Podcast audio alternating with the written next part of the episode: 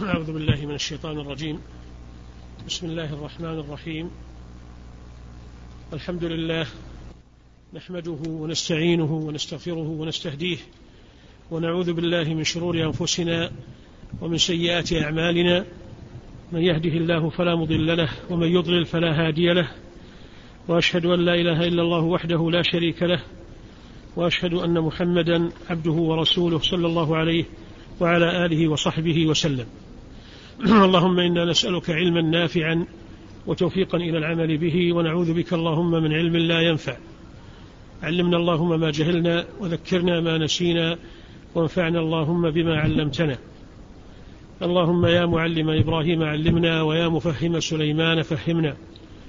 واغفر لنا وتب علينا ووالدينا ومشايخنا ومن أوصانا وسائر إخواننا المسلمين. اللهم آمين. اللهم صل وسلم على محمد وآله وصحبه أجمعين.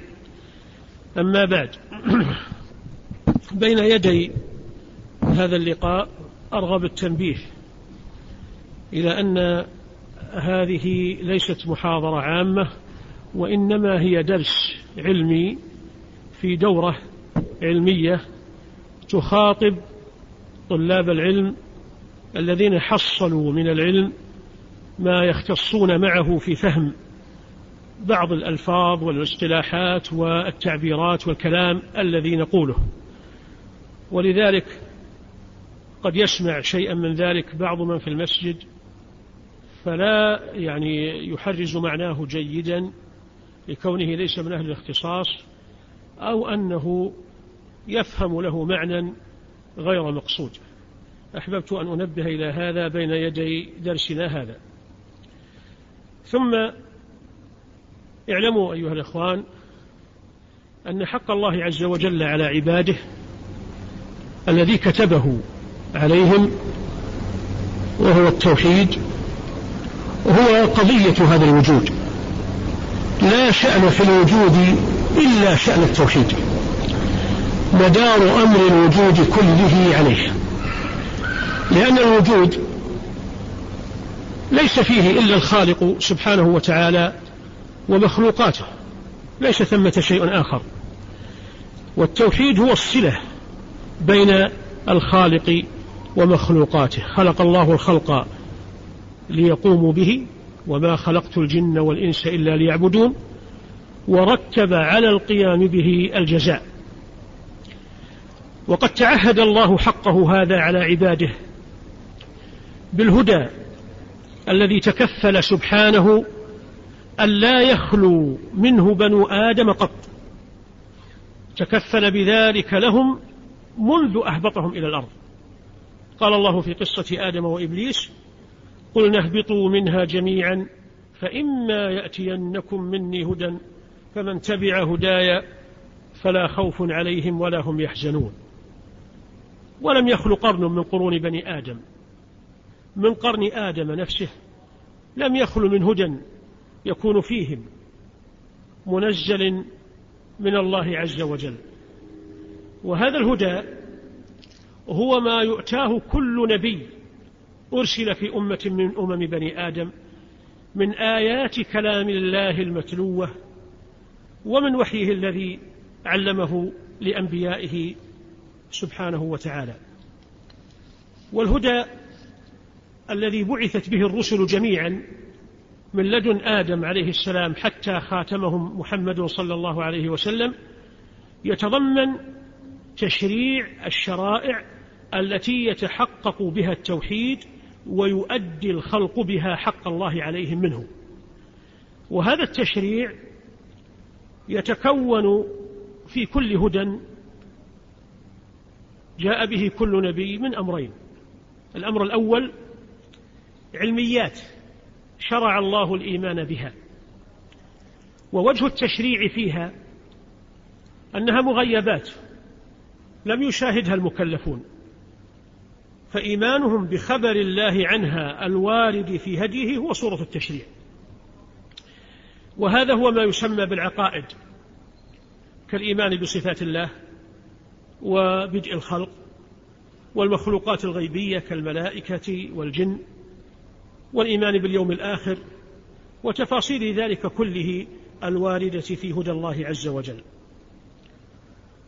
الأمر الثاني العمليات التي شرع الله القيام بها ووجه التشريع فيها طلب الله من خلقه تعبده بأدائها وهذا هو ما يسمى بالشرائع كالصلاة والزكاة والحج ونحوها. وكل من العمليات الاعتقادية والعمليات التشريعية كل من الأمرين لا بد فيه من أصلين اثنين. الأصل الأول أن يراد به وجه الله عز وجل. والأصل الثاني أن يكون موافقا لشرع الله عز وجل وتكليفه. وهذان الأصلان هما الواردان في قوله سبحانه بلى من أسلم وجهه لله وهو محسن فله أجره عند ربه ولا خوف عليهم ولا هم يحزنون. إسلام الوجه والإحسان. إسلام الوجه هو الأصل الأول الذي قلنا أنه يراد بها وجه الله وجه الله والإحسان هو الأصل الثاني. وعند التحقيق تحقيق النظر في كل واحد من الأصلين تجد أن كل واحد منهما متضمن للآخر فهما متلازمان لا ينفكان أبدا ولا يكونان إلا معا ولا يقبلان إلا معا.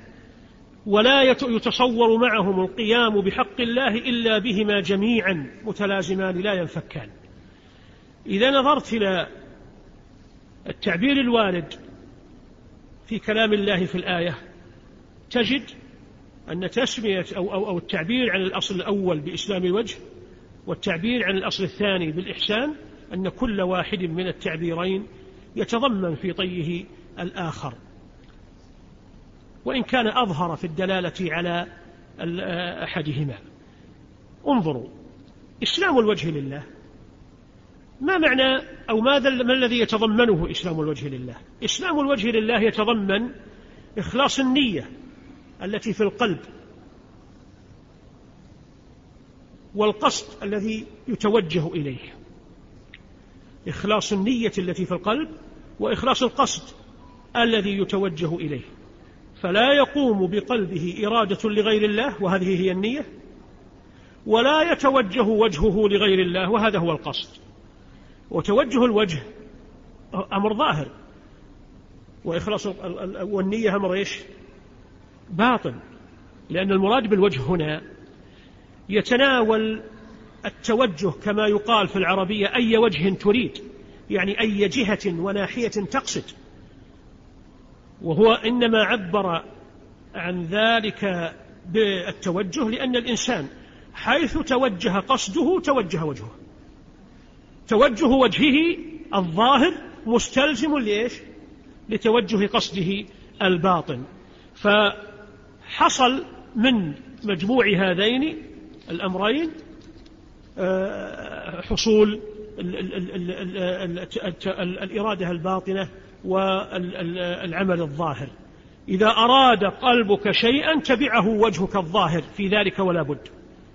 ولذلك ورد في النصوص التعبير بالوجه دائما. قال الله عز وجل حاكيا قول آه، إبراهيم إني وجهت وجهي للذي فطر السماوات والأرض حنيفا وما أنا من المشركين. وفي الصحيحين في دعاء النبي صلى الله عليه وسلم إذا أوى إلى فراشه اللهم إني أسلمت نفسي إليك ووجهت وجهي إليك. وعبر عنه أيضا بإقامة الوجه. قال الله عز وجل فأقم وجهك للدين حنيفا. وورد في القرآن من تفسير إقامة الوجه للدين قوله سبحانه وتعالى وأقيموا وجوهكم عند كل مسجد. أي وجهوا وجوهكم إلى الكعبة حيث كنتم. فإسلام الوجه يتضمن الباطن الذي هو الأصل وهو نية القلب وإرادته والظاهر وهو الشعار والدلالة التابعة للقلب وهو توجه الوجه إلى الله عز وجل. ولا توجه إلى الله إلا بما شرعه من الأعمال الظاهرة. وبهذا يتضح تلازم الأمرين أنك تخلص لله عز وجل في القصد وتتوجه إليه لا إلى غيره في الأعمال الظاهرة وتوجهك إليه لا إلى غيره إنما يكون بما أراده هو. سبحانه وتعالى لا يكون بما يريده غيره لا يكون بالأهواء ولا بالكشوف ولا بالعقول ولا بغيرها إنما يكون بما قرره هو سبحانه بما طلبه هو سبحانه وتعالى في كتابه وعلى لسان رسوله وإلا لم يكن توجها إليه. فهذا إسلام الوجه. وهذا هو وجه دلالة الأصل الأول على الثاني ووجه التلازم بينهما. والإحسان وهو الأصل الثاني الإحسان هو أن يكون العمل لله بشرعه. ولذلك قال الله عز وجل ليبلوكم أيكم أحسن عملا. هذا الابتلاء ابتلاء في الأصلين الإخلاص والموافقة. ولذلك قال عياض رحمه الله ووافقه الأئمة سلفا وخلفا على قوله في تفسير أيكم أحسن عملا؟ قال أيكم أخلصه وأصوبه. قيل وما أخلصه وأصوبه؟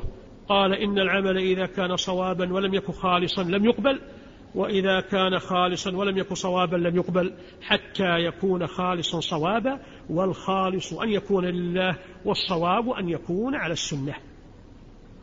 وروي في هذا المعنى عن أئمة العلم أقوال كثيرة كما روي عن آه، ابن شاهين وسعيد بن جبير آه، آه، عن سعيد بن جبير وغيره رواه ابن شاهين وغيره أنهما يقول أنهما قالا لا يقبل ولا يصلح قول إلا بعمل ولا قول وعمل إلا بنية ولا قول وعمل ونية إلا بموافقة السنة.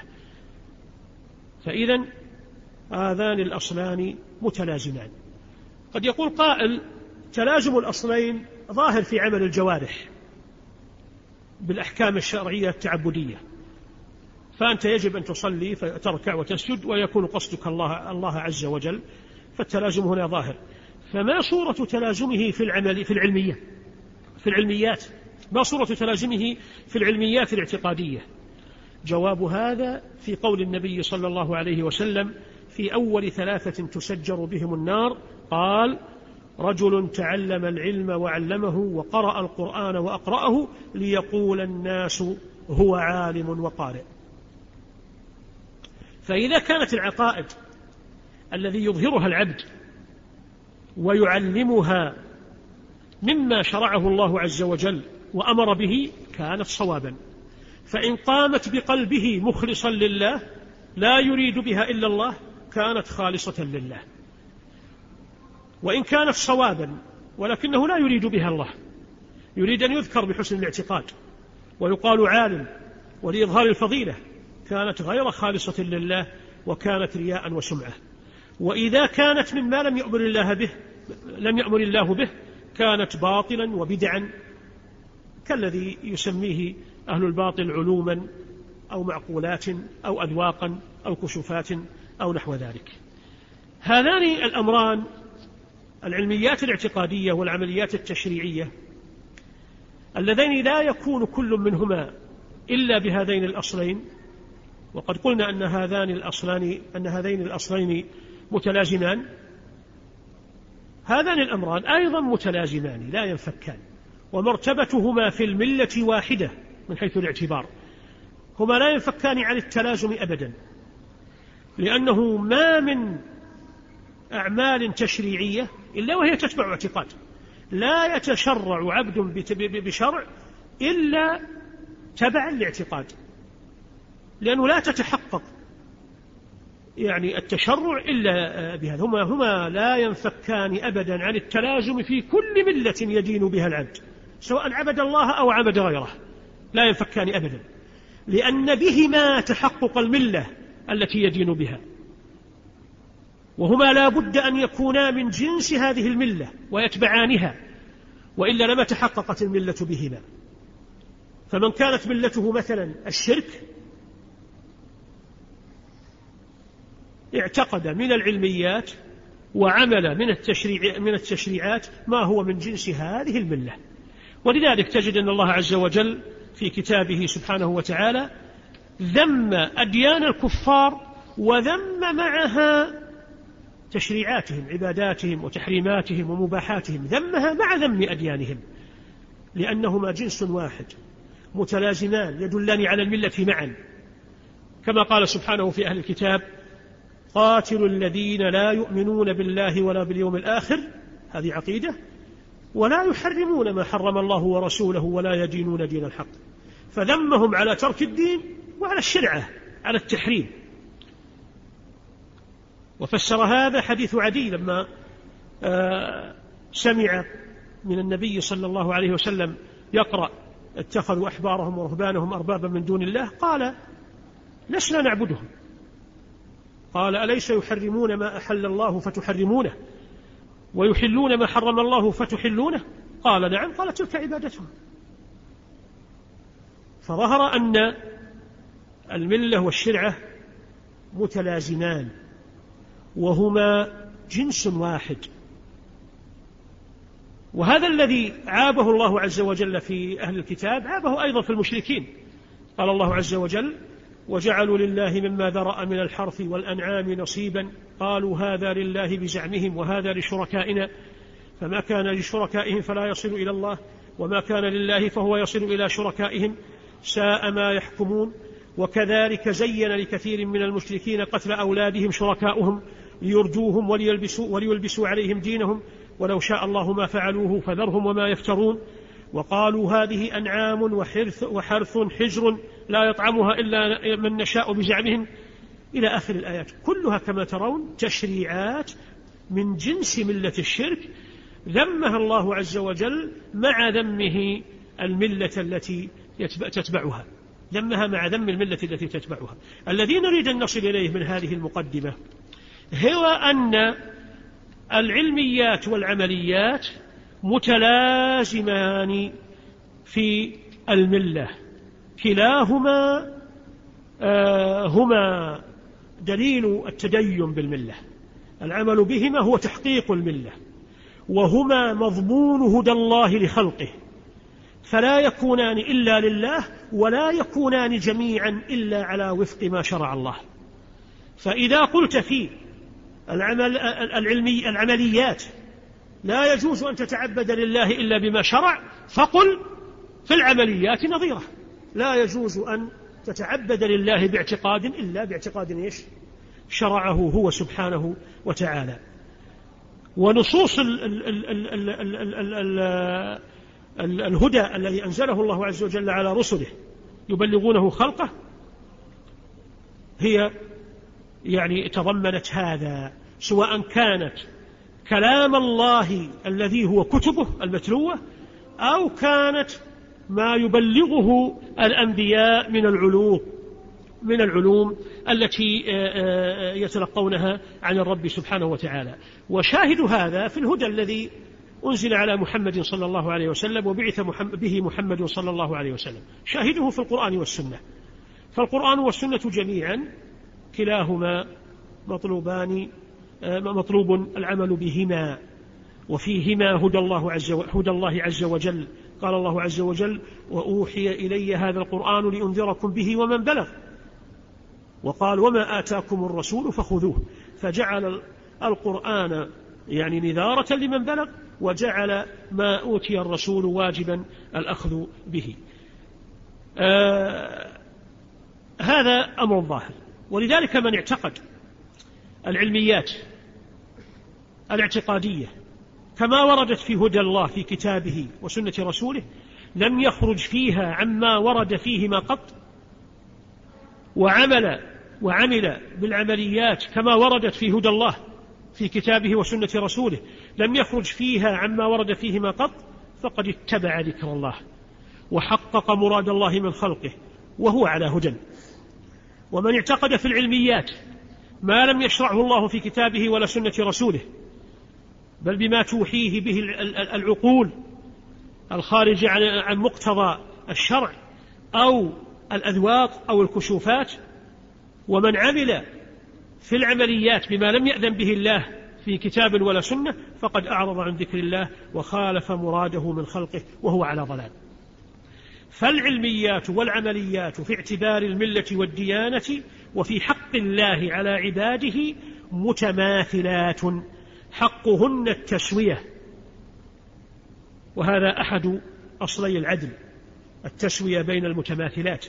لأن العدل أصلين التسوية بين المتماثلات والتفرقة بين المختلفات ويقابلهما أصل الظلم والباطل وهما التفرقة بين المتماثلات والتسوية بين المختلفات. لما كان ذلك كذلك كانت التفرقة بين العلميات الاعتقادية والعمليات الشرعية في اعتبار الملة والديانة من الباطل والظلم. ولذلك مضى أصحاب رسول الله صلى الله عليه وسلم في عهده ومن بعده ومن سار على سنته وسنة أصحابه رضي الله عنهم على عدم التفرقة بين العلميات والاعتقاد الاعتقادية والعمليات التشريعية. كلها شرع الله وكلها يؤدونها لله وكلها سواء عندهم. حتى نبغت نابغة من أهل الباطل وأنشأوا إنشاء تبعهم فيه من تبعهم فيه قرروا به في العلميات من صفات الله وأحوال اليوم الآخر وغيرها التفرقة بينها وبين العمليات فرقوا بين العلميات والعمليات. قالوا مورد العلميات العقل ومورد العمليات الشرع. فخرجوا بالعملي بالعلميات من هدى الله وألحقوا العمليات بهداه في الجملة. وهذا تفريق بين متماثلات. وهذا ظاهر. قدمنا وجه التماثل وبيناه. فلما يأتي هذا ويفرق بين العلمي بين العلميات والعمليات في الملة الواحدة في الديانة الواحدة قلنا هذا تفريق بين إيش؟ بين متماثلات. يجب عليك التزام العلميات على وفق ما شرع الله كما تلتزم العمليات على وفق ما شرع الله. ولا يصح منك أن تقول التمسه التمس في الشرعيات ما ورد في نصوص الشرع وأترك في العمليات نصوص الشرع أو آخذها مفسرا إياها بما يقتضيه أمر آخر غير الشرع. هذا باطل. هذه تفرقة بين متماثلات. زعموا في الشرعيات العلمية أن العقل يستقل بتحصيلها بل هو الذي يحكم في المراد من الوارد في الشرع منها. ويرد ما في الشرع من العلميات إلى ما يقرره العقل فيها. ويحمل على ذلك. فهم لم يعملوا في العمليات على وفق ما شرع الله في العلميات على وفق ما شرع الله عز وجل. أما الشرعيات العملية فقالوا هي أعمال لا طريق إلى تحصيلها بالعقول. لا طريق لتحصيلها إلا قول مشرعها. فما أمر به عملناه وما آه، آه، آه، نهانا عنه انتهينا ولذلك فهي ترد إلى الشرع. وبهذا تلاحظون أنهم جعلوا مهمة الرسل ومضمون الهدى محصورا في إيش؟ في بيان الشرعيات العملية فقط.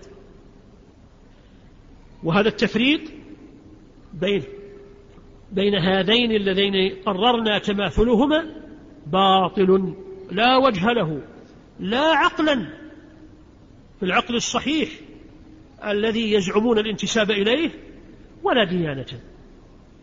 أما عقلا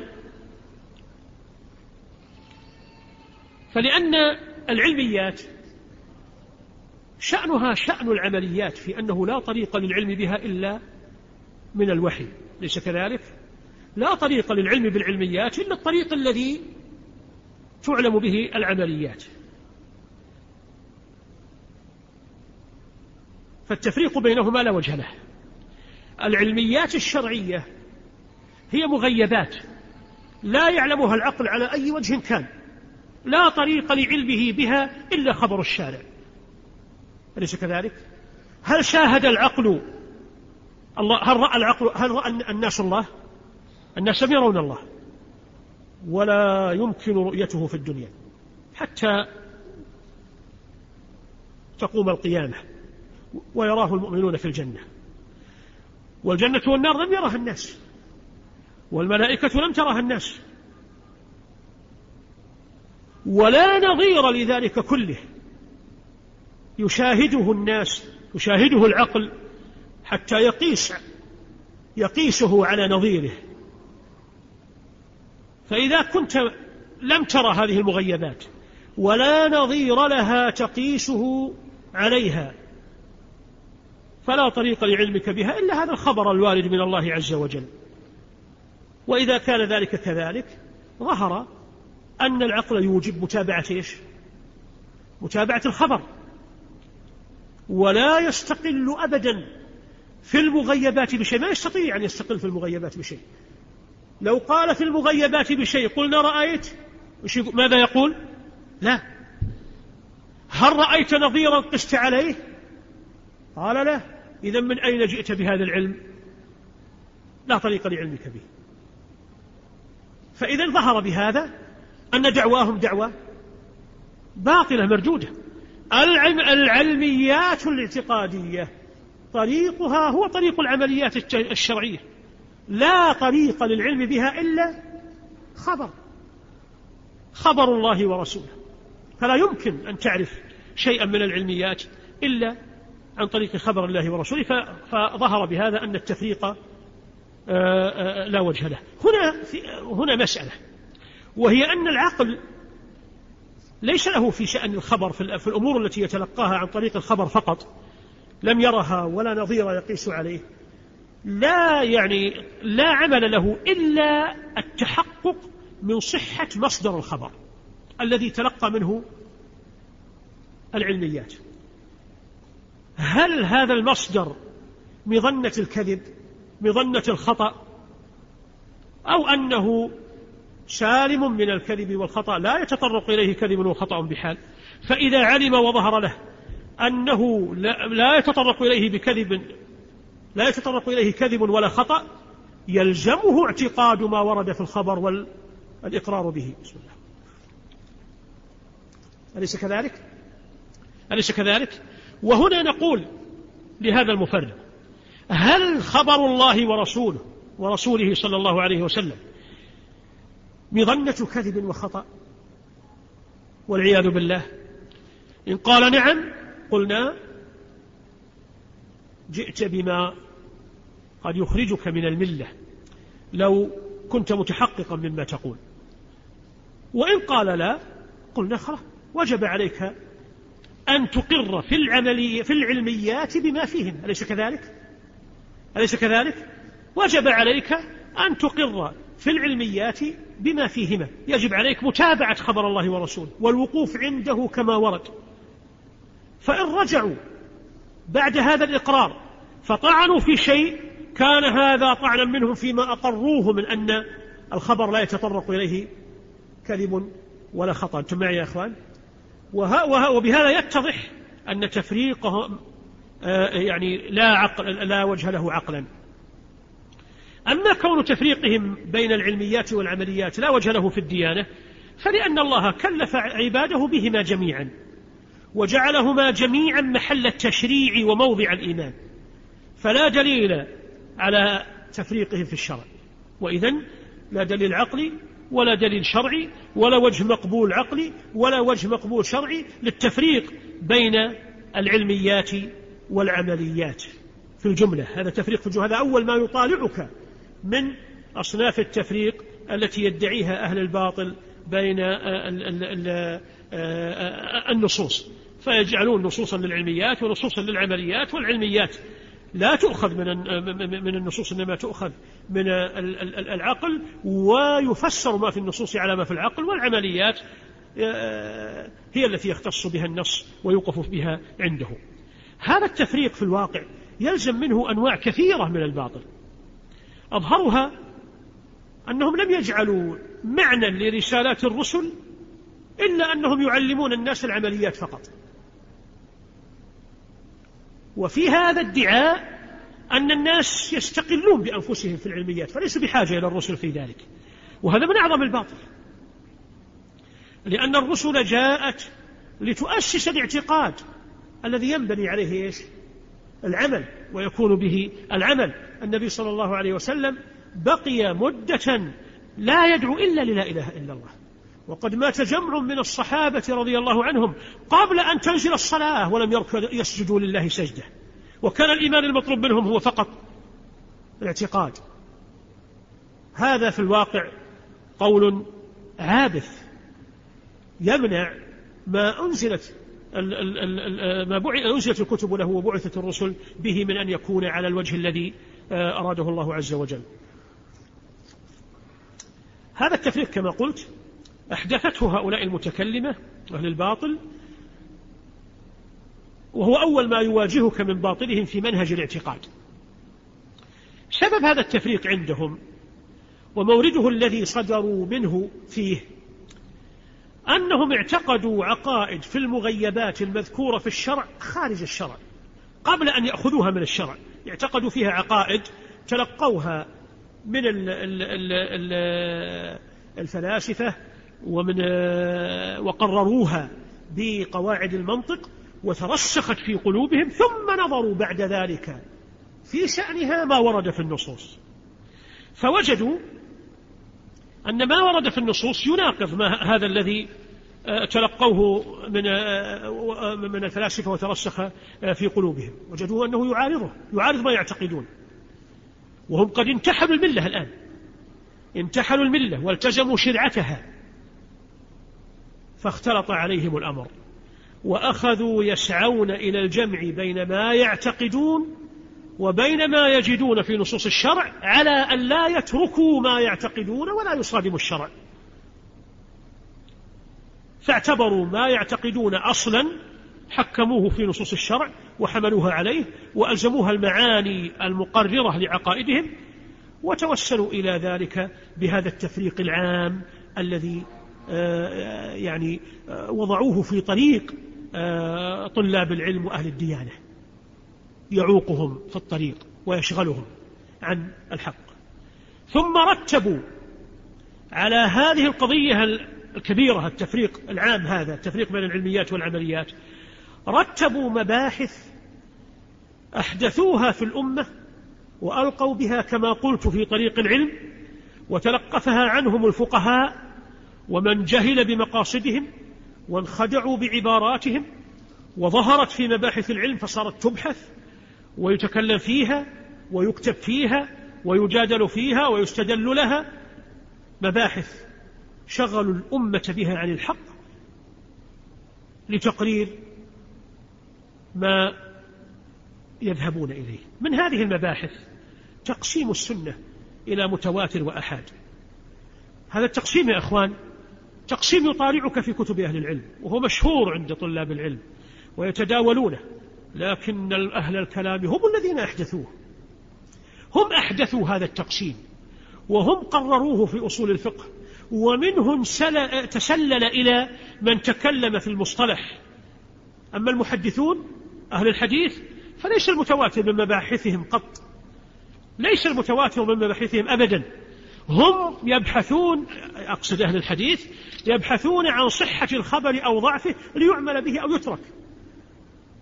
ويقررون في صحته وضعفه أمور يتقرر بها. الصحة والضعف فإذا صح أخذوا به وإذا آه، لم يصح آه، آه، لم يعملوا به. هؤلاء هم الذين أحدثوا قضية التقسيم بين المتواتر والآحاد تقسيم السنة إلى متواتر وآحاد. لماذا؟ لأنه كما قلنا أن نصوص الشرع في العلميات شجن في حلوقهم. وهم يريدون أن يتخففوا قدر الإمكان وقدر ما يستطيعون من الالتزام بهذه النصوص. يريدون الفكاك من ما يلزمهم به مقتضى انتحال الملة من الالتزام بهذه النصوص. وجدوا هذا الطريق. المتواتر نادر وقليل على على تقسيمهم هم وعلى ما اصطلحوه في المتواتر. إذا جئت تبحث في المتواتر من حديث رسول الله فإذا به قليل.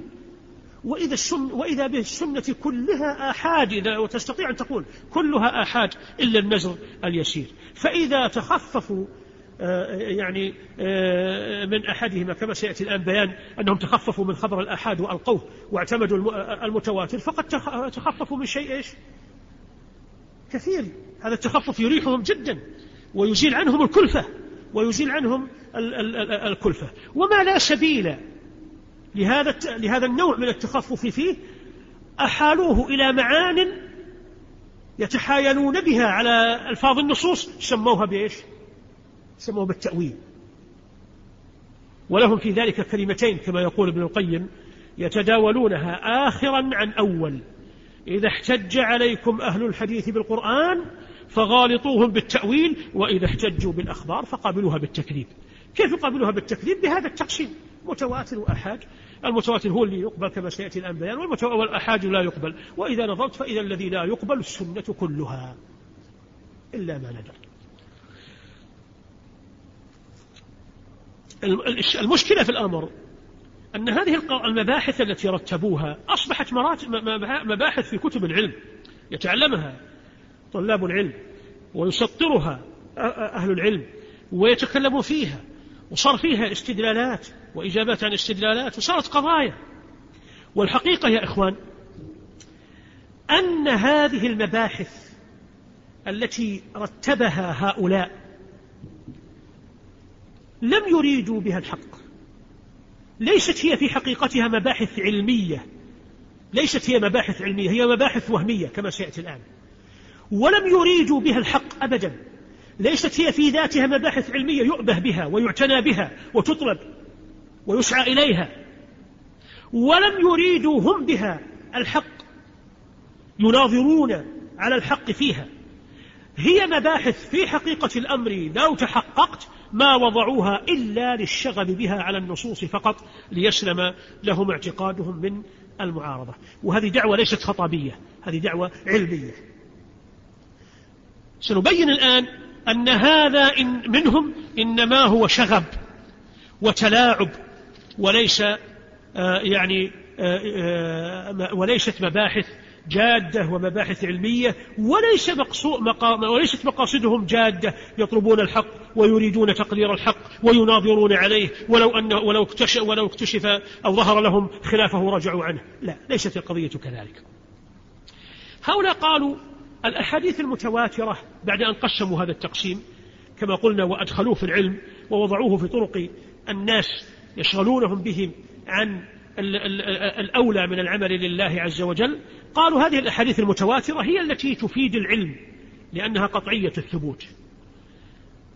والمتواتر عندهم ما رواه عدد كثير توجب كثرة عددهم العلم ولا يحصل التواتر عندهم إلا بكثرة العدد. هذا المتواتر الذي لا يحصل إلا بكثرة العدد هو الذي يستفاد منه العلم لأنه قطعي الثبوت وقطعية ثبوته حاصلة من كثرة عدد رواته. أما الأحاد فلا يفيد خبرهم العلم لأنهم مظنة أن يكذبوا أو يخطئوا وعلى هذا فلا يحل لنا قبول خبرهم. فردوا أخبار الآحاد في العلميات لذلك لأنه لا يفيد علما. هذه هي الصورة العلمية التي رتبوها لرد أخبار الآحاد وأشغلوا كتب العلم بها. وصار هذا حجة لهم في رد الأحاديث. تجرؤوا في ذلك جرأة فيها ما يمكن أن, أن, أن, أن, أن نسميه وقاحة في الواقع. لم يبالوا أبدا بالتبجح برد حديث يروى عن رسول الله صلى الله عليه وسلم وإن رواه الثقات واتفقت الأمة على صحته لمجرد دعوة أنه خبر إيش؟ خبر أحد. هذا في الواقع يعني آه إن لم يكن كما قلت وقاحة فهو حمق. لا يفعل هذا إلا أحمق أو آه، آه، من لا خلاق له. من نظر في مقالاتهم في ذلك يقف في الحقيقة على أنهم يعبثون. لا يصدرون عن علم الجاد ولا عن طلب حق. يردون الأخبار لا عن علم ولا عن آه، مقصد جاد. انظروا مثلا للرازي ماذا يقول في أساس التقديس. وانظروا هذه العبارة هل يقولها صاحب علم؟ أم يقولها صاحب آه، شغب؟ يقول لا يجوز الأخذ بخبر الواحد في العقائد. وأخبار الآحاد في العقيدة ضعيفة السند. هكذا في الجملة. وأنتم طلاب علم وتعرفون مدى ضعف هذا الكلام وقدر الجهل العظيم فيه. يقول أخبار الآحاد في العقيدة ضعيفة السند. طيب لماذا ضعيفة السند؟ انظر العلة. قال لأن فيها علة التشريح. هذا هو هذا هو سبب إيش؟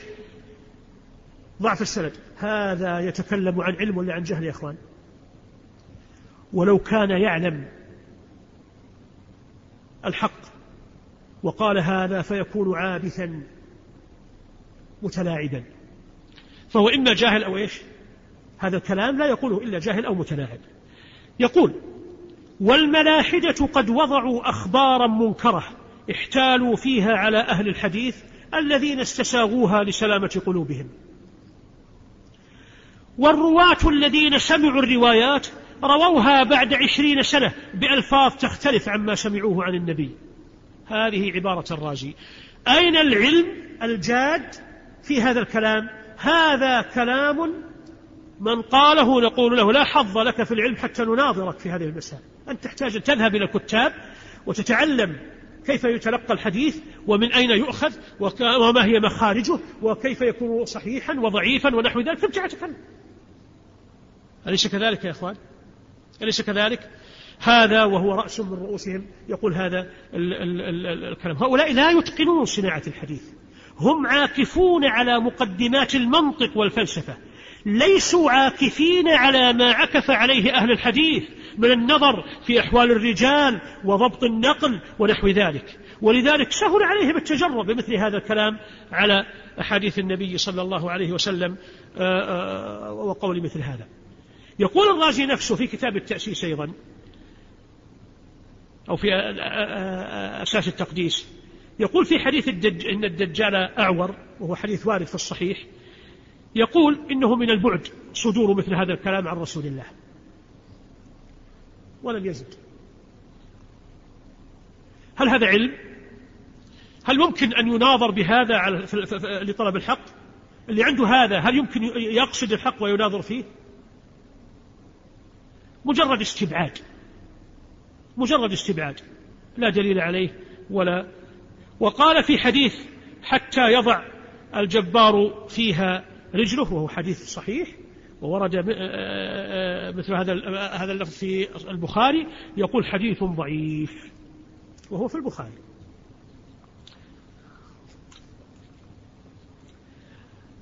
وابن فورك يقول أحاديث لفظ الرجل لفظ الرجل في الحديث غير ثابتة وهي لفظة ثابتة في الصحيحين. يقول غير ثابتة. أقل ما يمكن أن أن يلفت النظر هنا أن هذا لم يقرأ الصحيحين. لو قرأ الصحيحين ما قال أنها غير ثابتة. ويقول الجويني في حديث إن الله خلق آدم على صورته غير مدون في الصحاح. يقوله في الإرشاد في كتاب الإرشاد وهو في البخاري ومسلم. وزعم أن حديث النزول باطل. وليس بمتواتر وأنه لو أضرب عن جميع أخبار الآحاد ولم يعتبرها لكان ذلك سائغا. مع أن حديث النزول متواتر رواه نحو من ثمان وعشرين صحابيا عن النبي صلى الله عليه وسلم. يعني حتى هنا لم يلتفت إلى ما ما قرروه هم في القسمة بين المتواتر وإيش؟ وأحاد. إذا حقيقة حقيقة الأمر أن هذه قضايا ليست علمية في الحقيقة. تقسيم الخبر إلى متواتر وآحاد وأن الآحاد لا يفيد العلم لأنه غير قطعي الثبوت ظني الثبوت وأن المتواتر هو اللي يفيد العلم لأنه قطعي الدلالة. هذه ليست قضايا علمية في الحقيقة.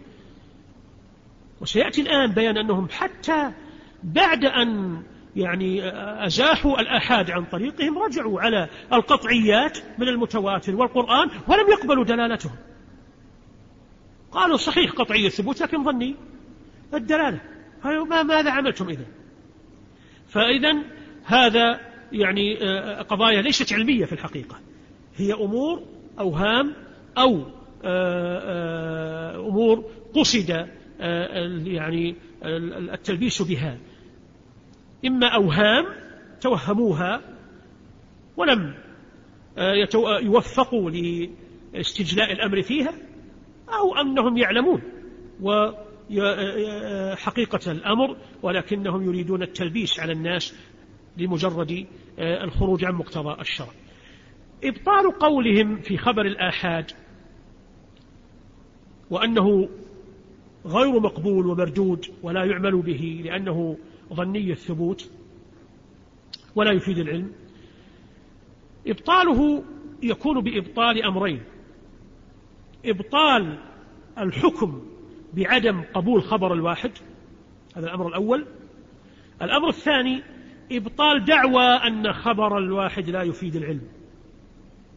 وأن العلم لا يؤخذ إلا بالتواتر. فصار عندنا قضيتين. القضية الأولى إبطال الحكم بعدم قبول خبر الواحد. وإبطال الحكم بعدم قبول خبر الواحد. نتكلم فيه من أربعة أوجه. الوجه الأول إقامة الدليل الشرعي القاطع على قبول خبر الآحاد. الدليل الذي يبطل بإقامته معارضته بمثل هذه الدعاوى. الوجه الثاني ذكر بعض المقارنات الدالة على بطلان قولهم.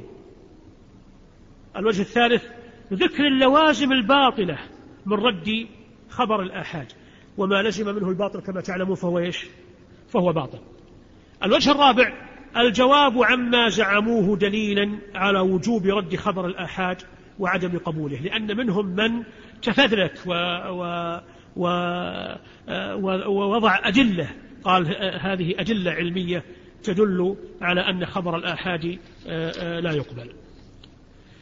أما الوجه الأول وهو تقرير الأدلة الدالة على قبول خبر الآحاد فإن الأدلة الدالة على قبول خبر الآحاد هي كتاب الله عز وجل وسنة رسوله صلى الله عليه وسلم وإجماع أهل العلم آه، من الصحابة ومن آه، بعدهم من أهل الإجماع. أما القرآن ففي القرآن تقرير قبول خبر الواحد من وجوه الوجه الأول الأمر المباشر من الله بقبوله. قال الله عز وجل وما آتاكم الرسول فإيش؟ فخذوه. هذا أمر. والرسول واحد. وقال وأطيعوا الله وأطيعوا الرسول. فأمر بطاعة الرسول صلى الله عليه وسلم. فهذا أمر بالعمل بخبر الواحد. وهذا يدل على بطلان دعوة رد خبر الواحد. الوجه الثاني ورد في القرآن التحذير من عدم قبول خبر الواحد. يقول الله عز وجل فليحذر الذين يخالفون عن أمره أن تصيبهم فتنة أو يصيبهم عذاب أليم. تحذير. الذين يخالفون أمره الذي بعثه الذي بعث به رسوله وورد على لسان رسوله. ويقول سبحانه وتعالى فلا وربك لا يؤمنون حتى يحكموك فيما شجر بينهم ثم لا يجدوا في أنفسهم حرجا مما قضيت ويسلموا تسليما. فأقسم بربوبيته على نفي الإيمان عنهم إذ لم يقبلوا خبر النبي صلى الله عليه وسلم. هذا التحرير من عدم قبول خبر الواحد. الوجه الثالث الإقرار. ورد في كتاب الله إقرار قبول خبر الواحد. فالله عز وجل ذكر في كتابه قبول موسى عليه السلام خبر البنت عن أبيها إن أبي يدعوك. وكان الدليل على قبوله أنه ذهب معها إلى أبيها وقبل خبر أبيها أنها ابنتيه أنهما ابنتيه. والدليل على هذا أنه عقد معه النكاح على إحداهما. وقبل خبر الرجل الذي جاء يسعى يخبره أن الملأ يأتمرون به وكان دليل قبوله خروجه من إيش؟ من البلد. وقبل يوسف خبر رسول الملك ودليل القبول أنه قال اسأله ما بال النسوة؟ والله عز وجل إنما أورد قصص الأنبياء ليكونوا قدوة لنا فيما فعلوه للاهتداء. ولذلك لما ذكر الله عز وجل الأنبياء لنبيه في سورة الأنعام ذكر نحو من ثمانية عشر نبيا قال أولئك الذين هدى الله فيش فبهداه مقتده. ولذلك سرد قصص الأنبياء وبين أحوالهم في كتابه. ليش؟ من أجل أن تقتدي. فبهداه مقتده. وقد فالله عز وجل ذكر هذا مقرا إياه وآمرا إياه وآمرا ويعني بالاقتداء فيه. فكما قبل الأنبياء خبر الآحاد نقبل خبر الآحاد ونقول أن دعوى رد عدم رد قبول أخبار الآحاد دعوة باطلة مصادمة لما عليه منهج الله عز وجل ومنهج رسوله أما السنة فقد دلت على قبول خبر الآحاد من ثلاثة وجوه أيضا. الوجه الأول قوله صلى الله عليه وسلم وفي هذا أحاديث منها قوله صلى الله عليه وسلم نظر الله امرؤا سمع مقالتي فحفظها ووعاها وأداها كما سمعها. ف التأدية ما معنى التأدية؟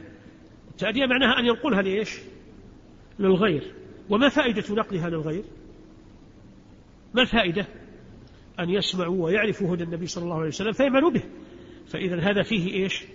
فيه الأمر بقبول. الخبر الذي آه، آه، يعني يخبر به امرؤا سمع من النبي صلى الله عليه وسلم ما سمع. والنبي صلى الله عليه وسلم يقول امرؤ وهو واحد. الوجه الثاني فعله صلى الله عليه وسلم. وفعله صلى الله عليه وسلم دل على قبول خبر الآحاد من وجهين. الوجه الأول إرساله الآحاد. فقد أرسل آحادا إلى الأمصار وإلى الملوك. تدعو إلى الله وتعلم الإسلام. أرسل معاذا إلى اليمن وأرسل حذيفة إلى آه، آه، هرقل وهكذا. أرسل البعوث وأرسل آه، إلى الملوك من أجل أن يدعى يدعون إلى الإسلام وأرسل إليهم آحادا. الوجه الثاني من فعله صلى الله عليه وسلم قبوله هو خبر الآحاد عليه الصلاة والسلام. هو خبر قبل خبر الآحاد. وفي هذا أحاديث كثيرة. من أظهرها حديث تميم الداري وخبره عما رأى الجساسة والدجال وغيرها والخبر آه، في الصحيحين. حديث آه، فاطمة آه، وهو يعني ظاهر في أن النبي صلى الله عليه وسلم قبل خبر تميم بل وفرح به وجمع الناس من أجل أن يسمعوه أليس كذلك؟ فهذا دليل هذا دليل في قبوله صلى الله عليه وسلم. هنا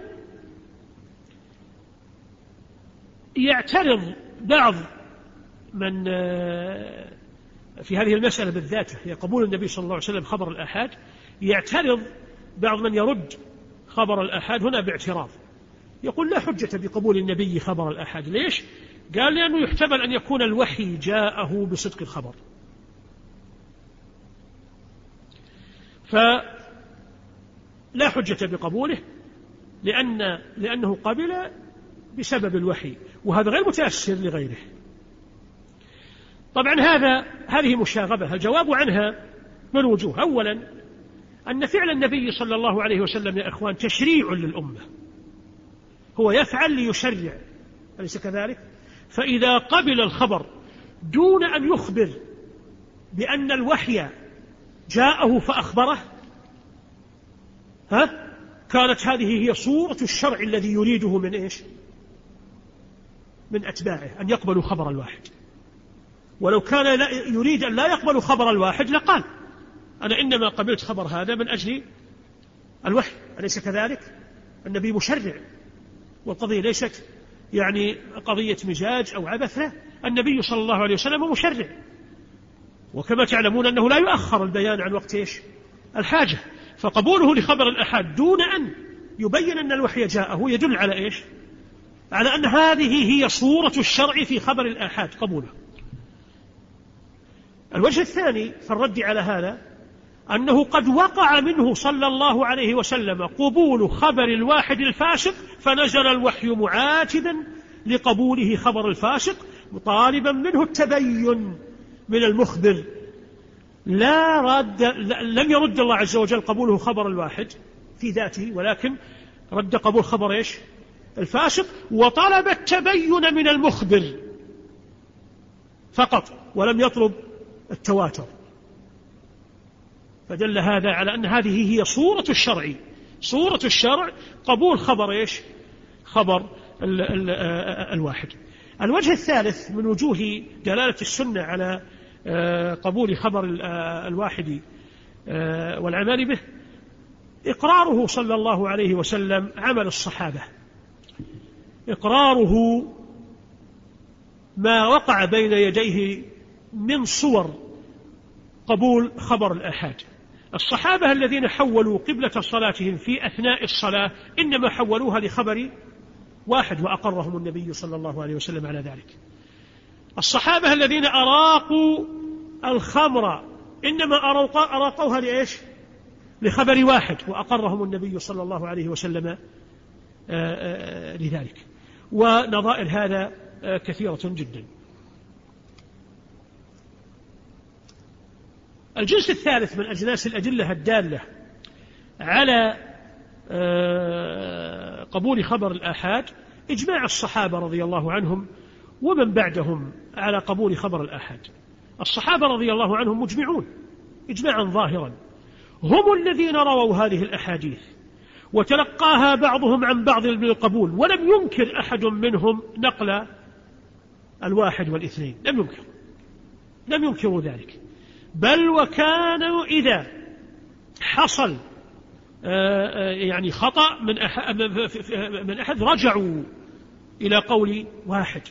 كما رجعوا إلى عائشة في بعض المسائل وهي وهو رجوع إلى خبر واحد. وكذلك من بعدهم. والأمة كلها كانت على قبول ما ورد عن النبي صلى الله عليه وسلم. إذا صح الطريق من غير نظر هل هو خبر آحاد أو لا. وقد قبلت الأمة كلها حديث إنما الأعمال بالنيات. وهو خبر آحاد. الأمة مجمعة على ذلك. ولم يظهر القول بالتفريق كما قلت وبعدم قبول خبر الآحاد في العقائد إلا بعد القرون المفضلة. فهو قول مسبوق بإجماع الأمة وهو قول طارئ في الأمة ناشئ بدعة محدثة لأنه ليس من أمر الدين. الأمة مجمعة قبله على خلافه لدلالة الكتاب والسنة وللمعهود من منهج النبي صلى الله عليه وسلم ومنهج الصحابة بين يديه. مجمعة على ذلك. فليس من أمرها إحداث القول برد خبر الآحاد وعدم قبوله. هذا ليس من أمرها. هو بدعة محدثة طرأت على يد هؤلاء المبتدعة. فهذه أدلة شرعية لا معارض لها تدل على قبول خبر الآحاد وأن دعواهم في رد خبر الآحاد دعوى باطلة. ثم هناك وجه آخر يدل على دعوة على بطلان دعواهم رد خبر الآحاد. وهي بعض المقارنات التي لو نظرنا فيها لعلمنا بطلان ما هم عليه. ولم تبين عندنا ما قررناه ابتداء من أن هذا منهم ليس طلبا للحق وليست قضايا علمية يعتقدونها علما جادا وإنما هي قضايا عبثية. أولا لو قارنت قولهم في الأخذ بأخبار الآحاد في الأحكام وقولهم بعدم الأخذ بها في الاعتقاد من غير أن يذكروا فرقا معتبرا وقد بينا وابتدأنا الكلام ببيان أن البابان إيش؟ متلازمان وكلاهما واحد أليس كذلك؟ هذا هذه المقارنة تدل على فساد ما هم عليه. نقول ما دمت قبلت خبر الآحاد في العمليات لزمك ذلك في إيش؟ في العلميات. لأن خبر الآحاد في العمليات خبر عن صاحب الشرع وهو في العلميات كذلك خبر عن صاحب الشرع. فإما أن تأتي بفرق يعقل ويقبل شرعا فرق يقبله العقل ونستطيع أن نتدين به شرعا وإلا فقولك مردود وهم لم يأتوا لا بفرق يقره عقل ولا بفرق تقره ديانة. فلم يأتوا بشيء ممكن أن نفهمه ونعقله ولا أن نتدين به. هو تفريق لا يمكن أن نعقله ولا يمكن أن نتدين به. ولذلك فهذا تفريق آه، يعني إنما هو من قبيل آه، التلاعب. إنما هو من قبيل آه، التلاعب. وقد وسيأتي قريبا بيان أن معظم العملية العلميات واردة في أخبار آحاد في العمليات. يعني أخبار آحاد في العمليات تضمنت اعتقادات وعلوم. فكيف تفرق بين الاثنين؟ يعني مثل الحديث الحديث الصحيح. في مسلم في حديث في دعاء النبي صلى الله عليه وسلم في التشهد التعوذ من الأربع. ما هن الأربع؟ الذين يتعوذ النبي صلى الله عليه وسلم وشرع للأمة التعوذ منهن في الصلاة في التشهد فتنة المسيح الدجال. وهذه علمية ولا عملية؟ علمية. وفتنة المحيا والممات وفتنة القبر وعذاب نعم. وعذاب النار عذاب جهنم. أليس كذلك؟ هذه هي. هذه أمور علمية وردت في حديث يقرر مسألة عملية فكيف تفرق؟ تقبل الحديث فتقول أقول في التشهد كذا عمليا ولا أقبل الحديث لأنه يقر إيش؟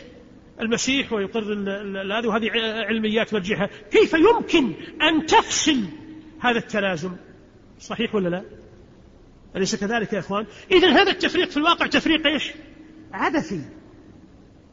إما عبثي أو هو وهم. جثم على قلوبهم.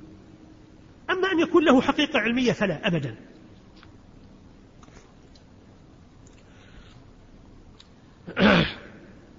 فهذا هذا نوع من أنواع المقارنات. من أنواع المقارنات أيضا تجد أنهم يقبلون في تقرير العلميات أقوال شعراء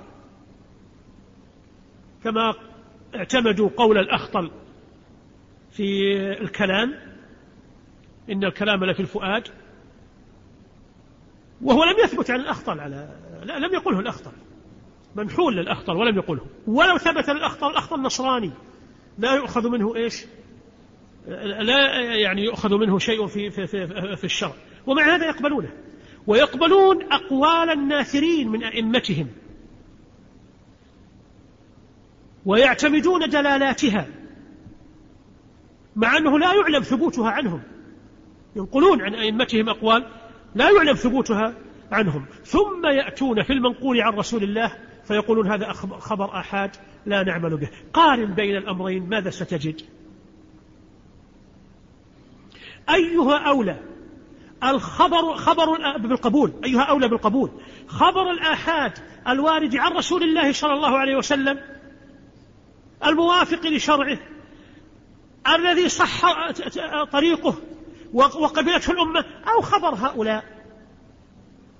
الشعراء وأهل الضلال الذين يعني آه، هم هم في ذاتهم جهة غير مأمونة لأنهم يعني يعتقدون خلاف ما ما في كتاب الله وسنة رسوله ويعتمدون مصادرا للعلم غير كتاب الله وسنة رسوله فهم جهة غير مأمونة. أيهما أولى بالقبول؟ إذا جئت تقارن أيهما أولى للقبول لمن أوتي عقلا وديانة. هذه المقارنة تدل على أن ما يفعلون إنما هو من قبيل العبث أو من قبيل الوهم وأنه لا قضية علمية عندهم يناظرون فيها على الحق.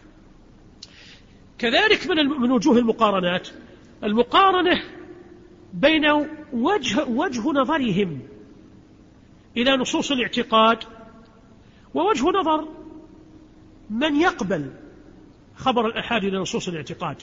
السلف. السلف ينظرون في نصوص في في السنة في أخبار السنة بأي شيء للعمل. ينظرون ليعملوا. أما هم ينظرون ليردوا. ينظرون ليؤولوا. ينظرون من أجل أن يمنعوا دلالات الأدلة على خلاف ما يعتقدون. هذا في الإرادة والقصد. ثم أيضا في آه، المهنة. السلف وأئمة الحديث وأهل الحديث ينظرون في الأحاديث يطلبون هل صحت أو لم تصح. ولذلك ينظرون في الرجال وينظرون في الروايات وينظرون في الأسانيد ينظرون في الرجال واحدا واحدا وينظرون في السند متصلا وينظرون في الرواية في المتن ويخرجون من ذلك بالحكم على المتن وعلى السند بالصحة ليعملوا. أما هؤلاء فلا يهمهم. صح الطريق أو لم يصح. آه، آه، أتقن الراوي أو لم يتقن. كان آه، ثقة أو لم يكن ثقة. إنما يمنعون يقولون قولا عاما بمنع دلالة النصوص. ونحن نقول لو أنكم نظرتم إلى نصوص الأحاديث لو أنكم نظرتم إليها كما ينظر إليها السلف وقصدتم ما يقصد السلف لعلمتم أنها يجب العمل بها والأخذ بها. من وجوه أيضا التي يتبين بها فساد دعوى رد خبر الآحاد اللوازم الباطلة من هذا الرد. يلزم من من رد خبر الآحاد. رفع الثقة بالشريعة. لأن عندما تقول أن نقلت الشريعة آحاد لا يؤمن منهم الكذب والغلط. وليس عندنا نقل للشريعة إلا هم. فمن أين نأخذ الشريعة إذن؟ ألا يترتب على هذا فقد الثقة بالشريعة؟ وعند ذلك فما فلا شريعة نعتبر وكل من تشرع بشرع تشرع وقال والله ما أدري هذا هو الشرع ولا لا. ترفع الثقة بالشريعة. بل ويبطل العمل بها لأنهم هم يعني ما يقولون إلا, إلا, إلا ب ب يعني بالمتواتر والمتواتر نادر كما قلنا وكما قلنا أنه كل كل شيء من ورد في خبر الأحاد فإن نظيره ورد آه، يعني في المتواتر من العلميات والعمليات. هذه لوازم باطلة. تلزم من قولهم ولا يستطيعون فك هذا اللزوم. وما دامت تلزم وهي باطلة فهي تدل على بطلان القول. هي تدل على بطلان قولهم. ويلزم أيضا من قولهم برد خبر الآحاد القدح في الرب سبحانه وتعالى. لأنه يكون أرسل رسلا وأنزل كتبا بدلالات لا تقبل لا تصل. إلى الناس بطريق مقبول. ويكون هذا عبث. ما الداعي إذن لإنزال الكتب ولإرسال الرسل؟ فاللوازم التي تلزم من هذا القول لوازم باطلة توجب رده وبطلانه. ثم لهم في رد خبر الآحاد استدلالات هي إلى المشاغبات أقرب منها إلى الاحتجاجات. ولننظر ذلك. من استدلالاتهم في رد خبر الآحاد قولهم مثلا الضرورة قاضية بعدم تصديق كل خبر نسمعه. لماذا؟ لأنه يجوز على المخبر الكذب أو الغلط. لماذا يجوز؟ لأننا متفقين أنه معصوم. أنه غير معصوم. لأننا متفقين أنه غير معصوم. فإذا كنا متفقين أن الراوي غير معصوم ويجوز عليه الكذب والغلط فلا يصح لنا أن, أن نصدق ما يقول. شفت الترتيب كيف؟ وما دام ذلك كذلك فإنه يجوز عليهم الكذب يجوز عليهم الوهم فيكون خبر آه، آه، آه، خبر غير مقبول. يكون كل خبر واحد جائز عليه الكذب والوهم فلا يقبل. الجواب على هذا القول ظاهر بداهة. نحن نقول لم يقل أحد من أهل العلم قط أن خبر كل واحد مقبول. صح ولا لا؟ بل اشترطوا في الراوي شروطا ثقالا في عدالته وفي ضبطه. لم يكتفوا بالنظر إلى عدالة الراوي بل حتى إلى ضبطه وحفظه بل وجعلوا للضبط والحفظ درجات وأحوال أنزلوا الرواة عليها وميزوا بها بين المرويات أليس كذلك؟ أليس كذلك؟ ولم يكتفوا بالشروط والاشتراطات في الراوي بل اشترطوا في مجموع الرواة الذين يروي بعضهم عن بعض في الأسانيد اشترطوا شروط في الأسانيد. في رواية الرواة بعضهم عن بعض اشترطوا شروطا ثقالا حكموا بها على الأحاديث. ولذلك قد تجد الحديث مسلسل بالثقات كل واحد منهم عندهم ثقة حافظ ثم لا يقبلون الحديث لعلة خفية لعلة صغيرة. أن واحدا من الرواة لم يسمع من الآخر دلس مع أن الاثنين ثقات. أو أن واحدا من الرواة سمع من شيخه وقت الاختلاط. مع الاثنين ثقات عندهم. فلم يكتفوا بالنظر إلى أحوال الرواة في ذواتهم حتى نظروا إلى إيش؟ إلى أحوال الأسانيد. ولم يغتروا بأن يأتي الحديث مسلسلا بالثقات حتى بحثوا عن تفاصيل ميزوا فيها تمييزا يعني دقيقا ففصلوا بين ما يجب ما يصح وما لا يصح. تجد الحديث مسلسل بالثقات وكل ثم يأتيك ويقول هذا الحديث ضعيف.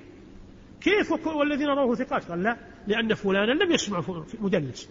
أو لأن فلانا سمع من فلان الوقت إيش؟ الاختلاط. وحين تجد عجب يعني مثلا تجد آه، يعني مثلا من آه، آه، رواية هشام بن عروة يقبلون لأنه ثقة. روايته عن أبيه يقبلونها من من من من, من أهل مكة ولا يقبلونها من أهل العراق لأن هشام تسهل لأهل العراق. فصار لما صار إلى العراق صار يروي لأهل العراق بما سمعه من من أبيه وبما سمعه من غير أبيه عن أبيه. يعني في في حظ من إيش؟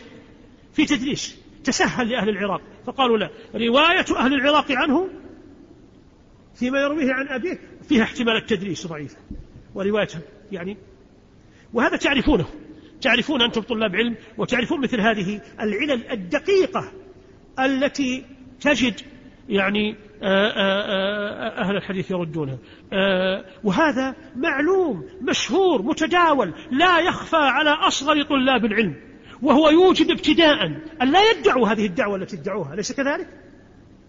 أليس كذلك؟ فتكون هذه الدعوة منهم ليست حجة. وإما ولكن إما جهل أو مشاغبة. إما يجهلون ما تعلمه الأمة كلها وما هو ظاهر للأمة كلها من الاحتياط العظيم الذي عليه أهل الحديث في قبول رواية الراوي الواحد فلا يقبل إلا من العدل الثقة ولا يقبلون منه إلا في برواية عن عدل ثقة مثله ضابط سمع منه ولا وهكذا. هذا كله أمر معلوم ثم يأتون فيقولون هذا الكلام. هذا يجوز. إما أنهم يجهلون هذا كله أو أنهم إيش؟ يعلمون ولكنهم يشاغبون يتصيدون من لا يعلم. أليس كذلك؟ من جنس هذه الحجة أيضا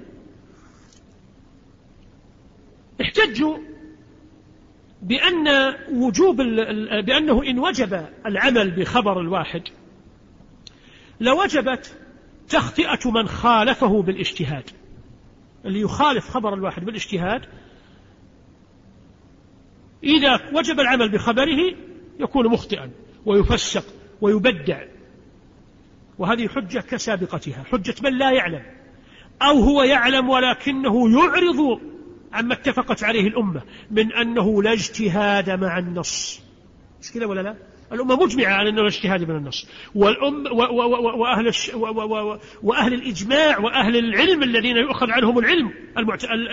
العلماء المعتبرين لا يقبلون الرأي المخالف للسنة أبدا. وما وقع من عالم معتبر من مخالفة لحديث ما وقع إلا لعذر. إما لكون الحديث لم يبلغه. أو لكون الحديث بلغه ولكن بطريق ضعيف عنده فهو يضعف الحديث. وهذا أمر معلوم. فإذا كانوا يعلمونه فإنه لا وجه لهذا القول ولا حجة فيه. هو صادر إما عن جهل أو عن عبث عابث. ومن جنسه أيضا. قولهم أنه لو وجب قبول خبر الواحد لأدى هذا إلى قبول متناقضين. فيما لو كان خبران متعارضان. أخبر ثقة بأمر وأخبر ثقة بخلافه. وهذا أيضا قول من لا يعلم ما عليه أهل العلم المعتبرين في منهج الاستدلال. فإن أهل العلم في منهج الاستدلال في العمل فيما تعارض ينظرون إلى الجمع ثم إلى الترجيح ثم إلى النسخ. أليس كذلك؟ فلهم منهج في, مثل هذا. هذا مع العلم أن الأمة مجمعة على أنه يمتنع في الشرع خبران متعارضان من كل وجه. أبدا. لا يمكن أن يكون خبران متعارضان من كل وجه. الدين محفوظ من مثل هذا التعارض. لأنه لو صح وقوعه لما قامت حجة للشريعة. صح ولا لا؟ أليس كذلك؟ فالذي يعلم هذا يمكن أن يحتج بمثل هذه الحجة التي جاءوا بها؟ لا يمكن أن يحتج بهذه الحجة التي جاءوا بها وهذا يدل على أن احتجاجهم إنما هو من قبيل الجهل أو من قبيل العبث. ولهم حجة لبسوا بها كثيرا ولها وجه عند بعض من لم يفقه لوجهها. قالوا لو كان خبر الواحد حجة لوجب الحكم بالشاهد الواحد. ونحن نعلم من الشرع أنه لا يقبل في الشهادة إلا شاهدين. والشهادة تفتقر إلى تزكية. فصار نحن محتاجين في في في في, في الشهادة لأربعة شاهدين ومزكي. ومزكين وهذا آه، يدل على أنه على أن الخبر الواحد لو كان حجة لوجب الحكم به في الشهادة في الشاهد. وهذا من يعني من أعظم ما لبسوا به. الجواب عن هذا أن هذا قياس مع الفارق فهو قياس باطل. قياس الشهادة أو قياس خبر الأحد على الشهادة باطل لأنهما ليس بابا واحدا وليس متماثلين بينهما فرق. والفرق من وجوه أولا الشاهد يشهد في قضية معينة قضية معينة في الأموال في الأنفس في, في الأعراض قضايا معينة في أحد الناس. أليس كذلك؟ ولكن الراوي يخبر عن رسول الله بشرع عام. يلزم الأمة كلها. في فرق ولا ما في فرق؟ في فرق أم لو أخطأ الشاهد أو كذب أو, أو غلط إنما أخطأ أو كذب في القضية الخاصة. ولكن لو كذب الراوي أو أخطأ كذب في إيش؟ في القضية العامة. وإذ لم يظهر كذبه وخطأه ولم يعلم دل هذا على أنه يلزم أن الخلق يضلون وأن الله عز وجل لم يحفظ دينه. مع العلم أن الله قد تكفل بإيش؟ بحفظ الدين. فتكفل الله بحفظ الدين يمنع أن, أن, أن يخبر رجل كاذبا بشرع عام ثم يمضي كذبه في الأمة. صح ولا لا يا إخوان؟ أليس كذلك؟ والله عز وجل قد تكفل بحفظ دينه ولكنه لم يتكفل بحفظ دمائنا وأموالنا وأعراضنا. ولذلك شرع فيها قبول الشهادة. وباب الشهادة غير باب الرواية من هذا الوجه. ثم إحنا لما نحكم بشهادة الشاهد هذا ليس حكما منا بظن بل نحن نحكم بيقين. فين اليقين؟ قد يكون الشاهد في في ذاته كاذبا أو واهما لكن حكمنا بشهادته يقين. اليقين أين هو؟ اليقين في أن الله فرض علينا قبول أو قبول شهادة الشاهد أليس كذلك؟ فنحن متيقنين من صحة الحكم قد يكون الشاهد في ذاته كاذبا قد يكون لكننا متيقنين من إيش؟ من صحة الحكم لأن لأن الله فرض علينا أن لا يكون الحكم إلا بشهادة شاهدين وهو سبحانه وتعالى يتولى الشاهدين بعد ذلك إن صدقوا أو كذبوا كذا أليس كذلك يا أخوان؟ فالذي يحكم في في في في في, في, في حكم في قضية ألزمه الشارع أن يحكم ولذلك لا يجوز للقاضي أن يحكم بعلمه أبدا. لو كان القاضي يعلم أن فلانا سرق يعلم ذلك. لا يجوز له أن يحكم بعلمه عند الحكم بل لا بد من أن يحكم بشهادة شاهدين. إذا أراد أن يصير إلى علمه خرج ما يصير قاضي ما يصير حاكم ويكون شاهدا. فإذا نحن عندما نحكم بشهادة الشاهد نحكم بيقين لا بظن ولا ب آه، آه، آه، حتى حتى في في, في هذا. ونقبل خبر الواحد بيقين أن الله حفظ دينه وأنه يروي شرعا عاما وجنس ما جاء به يوافق جنس ما في الشريعة فيقبل لذلك. ثم أيضا نقطة مهمة في الموضوع التفت إليها أنه خبر شهادة الشاهد أحد أليس كذلك؟ لم تبلغ حد التواتر. الشاهدين لم يبلغا حد التواتر. فهذا دليل عليهم لا لهم دليل عليهم لا لهم هم استدلوا بالشاهد ليبطلوا خبر الآحاد وشهادة الشاهدين خبر آحاد في الحقيقة. وهذا يدل على أنهم إما غافلون أو أو عابثون. إما غافلون أو عابثون. إن قالوا الآثار اختلطت لكثرتها في يد الناس يقال لم تختلط إلا على الجاهلين. أما العالمون الذين وقفوا أعمارهم في تمييز الصحيح من السقيم الذين ظهر من عنايتهم ما ذكرنا فإنهم إيش؟ لم يتختلط عليهم. وقد ميزوا الحرف والحرفين. من كلام آه، آه، الرواة. والحقيقة أن هؤلاء عابثون فعلا لأنهم لو آه، لو لو كانوا غير عابثين لا أقروا بإفادة خبر الآحاد في العلميات كلها لأنه ما تجد لن تجد فرقة من الفرق الضالة التي منعت قبول خبر الآحاد في العلميات إلا واستدلت بآحاد في علميات توافق قولها. هذا أمر. تجد القدرية وهم أول من ألقى هذا في الأمة عدم قبول خبر الآحاد هم أول من أنشأ هذا. يستدلون في, في, في آه، قولهم في القدر بحديث كل مولود يولد على الفطرة وبحديث خلقت عبادي حنفاء كلهم فاشترتهم الشياطين. وهو لا دليل فيه على قولهم يستدلون به. أول ما نجيبهم نقول دعك من هذا فهو خبر آحاد. أنت لا إيش؟ لا تقبله فكيف تستدل به وتحتج به وتقيم به الحجة على ما تقول؟ تجد المرجئة يستدلون بحديث من قال لا إله إلا الله دخل الجنة قيل وإن زنى وإن سرق قال وإن زنى وإن سرق. يستدلون بهذا وهو أحاد وفي العلميات. ولا يقبلون العلميات في في أبواب أخرى في الصفات وغيرها. إذا فهذا في الواقع آه، عبث. وإذا كان عبثا وليس شيئا علميا دل هذا على أن الحق الذي عليه أهل السنة والجماعة وعليه دلالة كتاب الله وسنة رسوله لا معارض حق له. وهو الذي يجب انتهاجه وهو قبول خبر الواحد العدل الضابط. إذا صح عن رسول الله صلى الله عليه وسلم إذا صح الخبر عن رسول الله فهو مذهبنا وهو قولنا وهو آه، علمنا وهو عملنا ولا شيء غير ذلك. هذه قضية رد الخبر الآحاد في الجملة رده كحكم فيه. أما دعوى أن الخبر لا يفيد العلم إلا بالتواتر وأن أخبار الآحاد لا تفيد العلم فإننا نبين أيضا أنها قضية وهمية في الحقيقة. قضية وهمية في الحقيقة وهي إما وهمية كما كررت وقلت أو عبثية إما وهم توهموه أو عبث آه، آه، يعبثون به.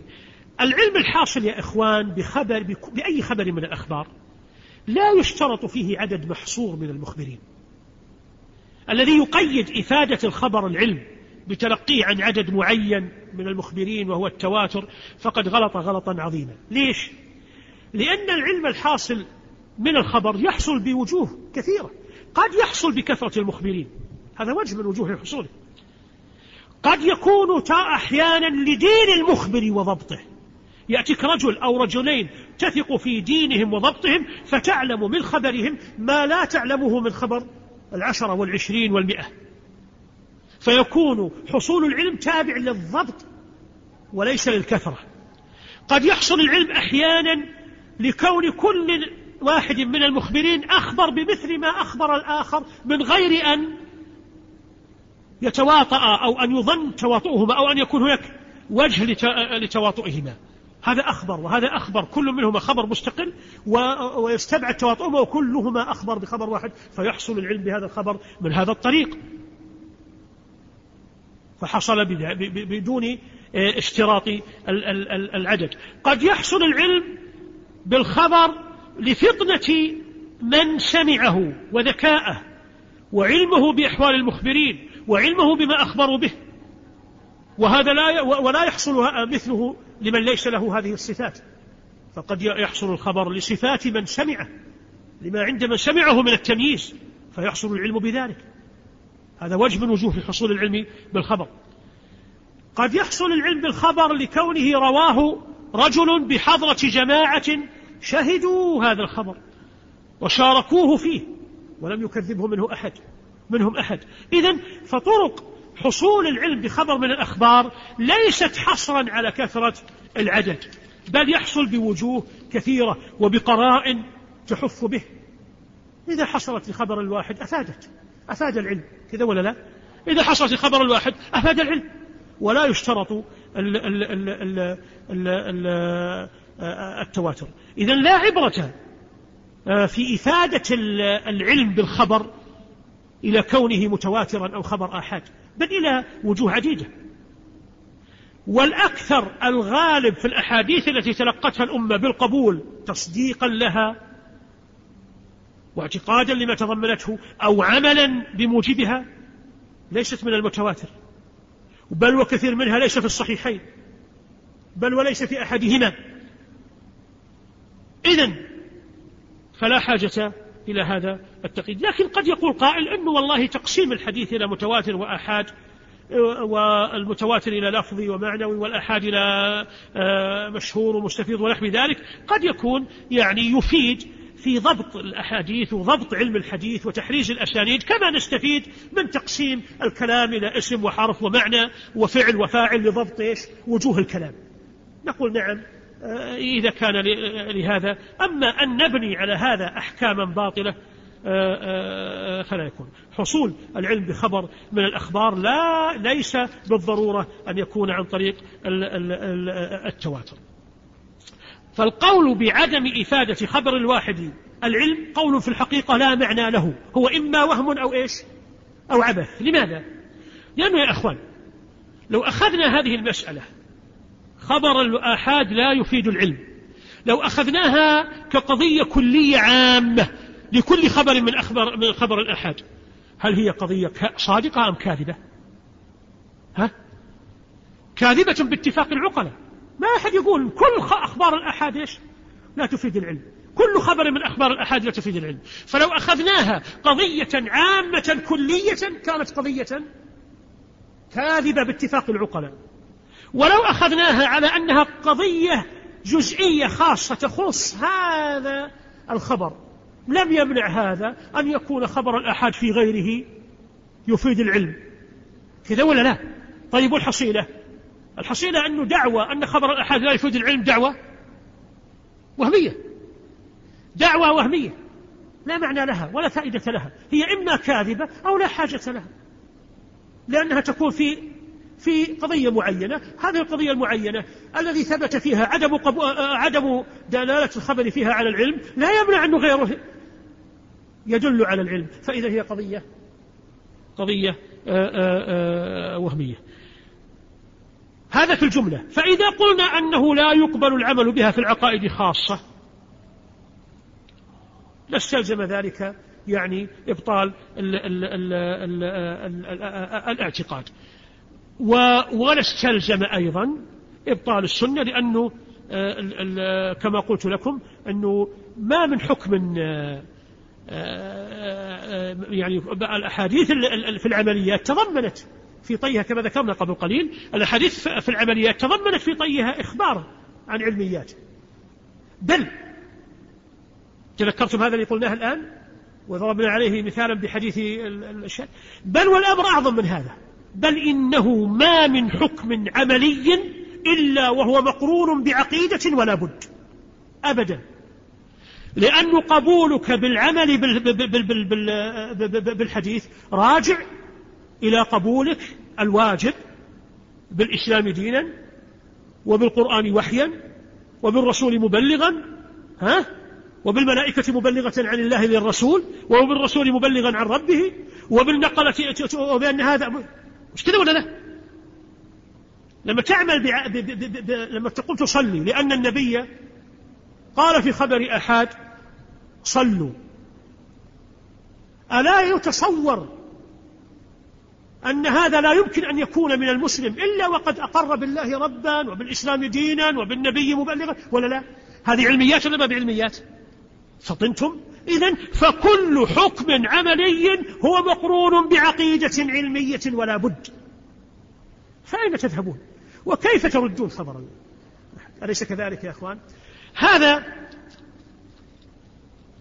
يعني آه، آه، يدل على أن هؤلاء المفرقين لن آه، يعني يقصدوا حقا وإنما يقصدون الشغب ويدل على استقرار مذهب أهل السنة والجماعة وطريقتهم في المنهج في قبول إخبار الآحاد والعمل بها. الآن بعد أن أشغلوا الناس بهذه المباحث في تقسيم الخبر إلى متواتر وآحاد والقول بعدم قبول الآحاد وجعلوا المتواتر هو الذي يفيد العلم وهو الذي آه، آه، يقبل. بعد أن ردوا خبر الآحاد وقالوا هي لا تفيد العلم قرروا أنه لا يفيد العلم إلا قطعي الثبوت وهو القرآن وإيش؟ والخبر المتواتر. ولذلك فنحن نقبل القرآن والخبر المتواتر أما خبر الآحاد لا نقبله. خلاص؟ خرجوا من هذا إلى فضيحة أعظم تدل على مقاصدهم. فضيحة من فضائحهم التي تقرر أنهم أهل عبث وتحايل يطلبون نحل الشرعية لباطلهم وترويجه في الناس وأنهم ليسوا أهل علم وتحقيق وطلب قالوا العلم الذي يفيده قطعي الثبوت قرآنا أو سنة متواترة هو ظني الدلالة. ظني الدلالة. لا يكون دلالته قطعية حتى يفيد يقينا من الأدلة العقلية. لا يفيد اليقين بذاته. لا يفيد اليقين بذاته اليقين يؤخذ من العقل. والعقل يحكم به على ما في النصوص. فإذا صادمت النصوص العقل كانت في ظاهرها كانت دلالتها ظنية. واليقين وترد إلى اليقين تؤول وتحمل على اليقين. وهذا في الواقع رد لدلالة النصوص كلها. ما ثبت منها عندهم بطريق قطعي وما لم يثبت عندهم بطريق قطعي. صار لا معنى للكلام في ثبوت الأدلة. مشكلة ولا لا؟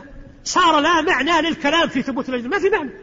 سواء كان خبر آحاد مردود لا يقبل أو كان خبر, خبر متواتر مقبول. وش المعنى؟ إذا كان لا معنى له إلا ما تقرره عقولكم. وش الحاجة إلى هذه المباحث؟ ما الحاجة إلى هذه المباحث إذن؟ كذا ولا لا يا أخوان؟ اختصروا الطريق واعطينا اعطينا الامر من, من اوله. وهذا يدل على انه على ان المسألة مساله على أن القضية أن المسألة عبث وليست إيش؟ علم. إما جهل وهو جهل غريب ممن يتصف بالذكاء ويوصفون بالأذكياء. يعني جهل غريب لا وجه له. أو عبث في الحقيقة. عبث. قوم تقررت عندهم عقائد وأرادوا ترويجها في الأمة فشغلوا الأمة بمثل هذه المباحث التي آه، آه، آه، رتبوها. دعواهم أن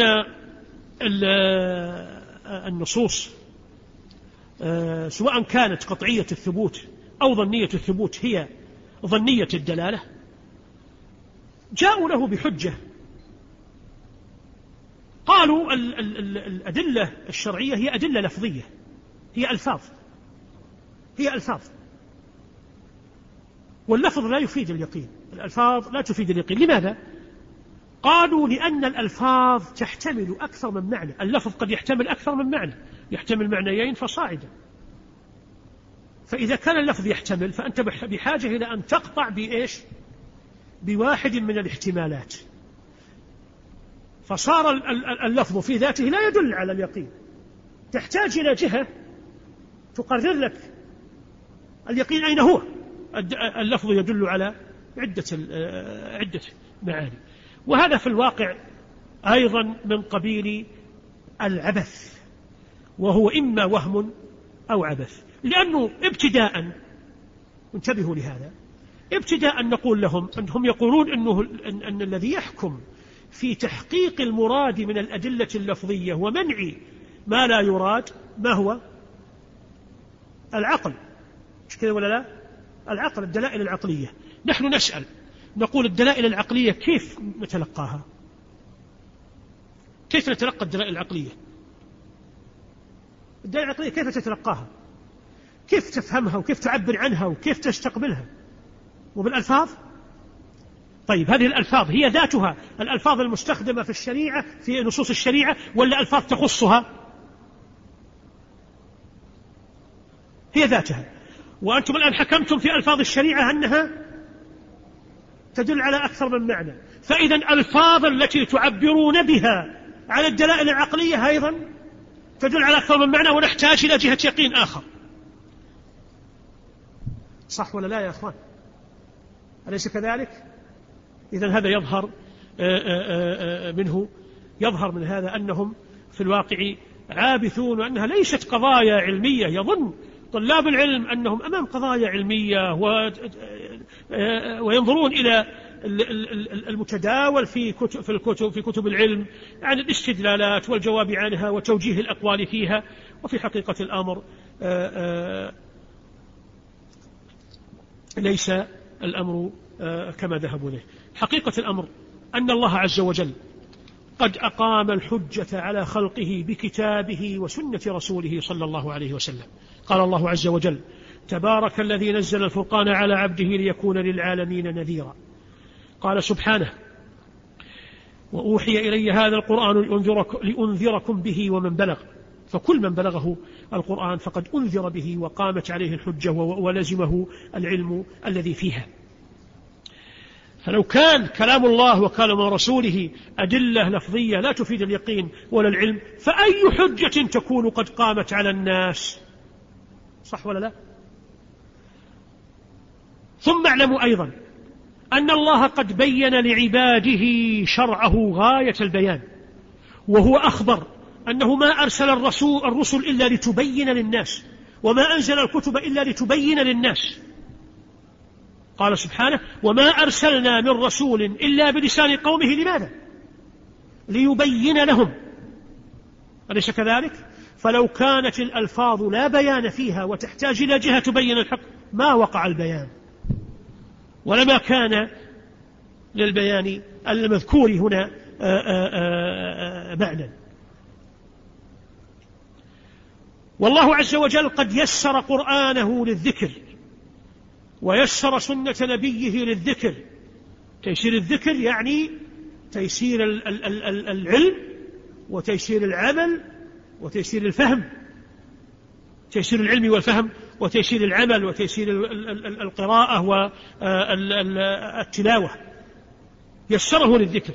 ولو كان كلام الله وكلام رسوله إنما يفيد ظنا لا يقين فيه وعليك أن تطلب اليقين من خارجه. لما كان هذا تيسيرا؟ أليس كذلك يا أخوان؟ لما كان هذا قط تيسيرا؟ هذه حقائق تمنع أن يرد خبر النبي صلى الله عليه وسلم لأي حجة يحتج بها عابث وتوجب العمل النصوص على سواء وعدم التفريق بينها. الله عز وجل ذم الظن وأهله. قال سبحانه في المشركين في الكفار إن يتبعون إلا الظن وإن الظن لا يغني من الحق شيئا. فعاب أهل الظن وعاب الظن ذاته. فكيف يذم الظن ثم يجعل دلالة كلامه وكلام رسوله ظنا يطلب اليقين من غيره؟ كذا ولا لا يا أخوان؟ وعلى هذا فأين يذهب من يفرق بين النصوص ويمنع دلالة بعضها عن بعض ويقول هذه ظنية وهذه قطعية. الله عز وجل أخبر في كتابه أن دعوى أن دلالة النصوص في مسائل الاعتقاد ظنية دعوة قديمة. هي دعوة الكفار أهل النار ادعوها. ذكر الله عز وجل ذلك في كتابه. قال الله وإذا قيل إن وعد الله حق والساعة لا ريب فيها هذه علميات ولا لا؟ عقائد ولا لا؟ مش قالوا؟ قلتم لا ندري ما الساعة إن نظن إلا ظنا وما نحن بمستيقنين. فالقول بأن منهج بأن بأن النصوص في مسائل الاعتقاد ظنية هو قول من؟ قول الكفار الله عز وجل. يعيبه عليهم هنا. يقول ما نحن بمستيقنين إن نظن إلا ظنا. هذا هو عين قول هؤلاء. أليس كذلك؟ والله عز وجل قد امتدح المؤمنين بإيقانهم. قال وبالآخرة هم إيش؟ هم يوقنون. يوقنون. هذا اليقين من فين جابوه؟ من أين حصل لهم هذا اليقين الذي مدحهم الله به؟ حصل لهم من النصوص التي سمعوها في كتاب الله وسنة رسوله. إذا فكتاب الله وسنة رسوله يفيدان إيش؟ اليقين. أليس كذلك؟ فإذا هؤلاء مبطلون. ومما يقرر صحة ما عليه أهل السنة والجماعة وصحة الواجب في نصوص الشرع بإعمالها والعمل بمقتضاها والعلم بما فيها أن هؤلاء الذين ردوا دلالات الكتاب والسنة إما بظنية الثبوت أو بظنية الدلالة واجتمعوا على كلمة واحدة أن العقل هو دال جئنا فقلنا اعطونا دلالة العقل فوجدنا أنهم مضطربون مختلفون اختلافا كبيرا ويعلم هذا طلاب العلم. تعلمون هذا أيها المخاطبون. ليس لهم في مسألة قولا من العلميات قولا واحدا اتفقوا عليه. يرد بعضهم على بعض وينقض بعضهم على بعض. ولذلك تجد أنه انفصلت فرق منهم عن فرق. أسس جهم ثم انفصلت المعتزلة عنه بأقوال تخصها. ثم انفصلت الأشعري الكلابية بأقوال تخصها. والأشعرية من الكلابية بأقوال تخصها وهكذا. ثم إذا رجعت إلى كلها طائفة تجد أنهم في أنفسهم مختلفون. فالمعتزلة طوائف لم يتفقوا على شيء. كل منهم يقول في مسألة شيئا. فهين أين العقل الذي يجب اتباعه على هذا ونحن أمام عقول متفاوتة وكثيرة؟ لم يحصل لم يحصل فيها توافق. أي عقل هو الدين والملة؟ معي يا أخوان؟ إذا فالذي ننتهي إليه أن هذه الدعاوى دعاوى باطلة لا تشغب على المنهج الصحيح الواجب وهو وجوب التسوية بين النصوص فإنها متماثلة في تقرير مراد الله عز وجل من خلقه متماثلة في هذا ومتماثلة في حكمها فيجب العلم بما فيها والعمل بما فيها. وعلى هذا اتفقت الأمة وعلى هذا جرى عمل أهل السنة والجماعة. وإنما اضطررنا للكلام في هذا لأن هذه النابغة نبغت من من هؤلاء. فأحدثوا التفريق بين النصوص وقالوا بأن النصوص بينها فوارق و آه، آه، قرروا ورتبوا المباحث التي ذكرناها قبل قليل. نسأل الله السلامة والعافية من مضلات الفتن ومن أقوال أهل الأهواء.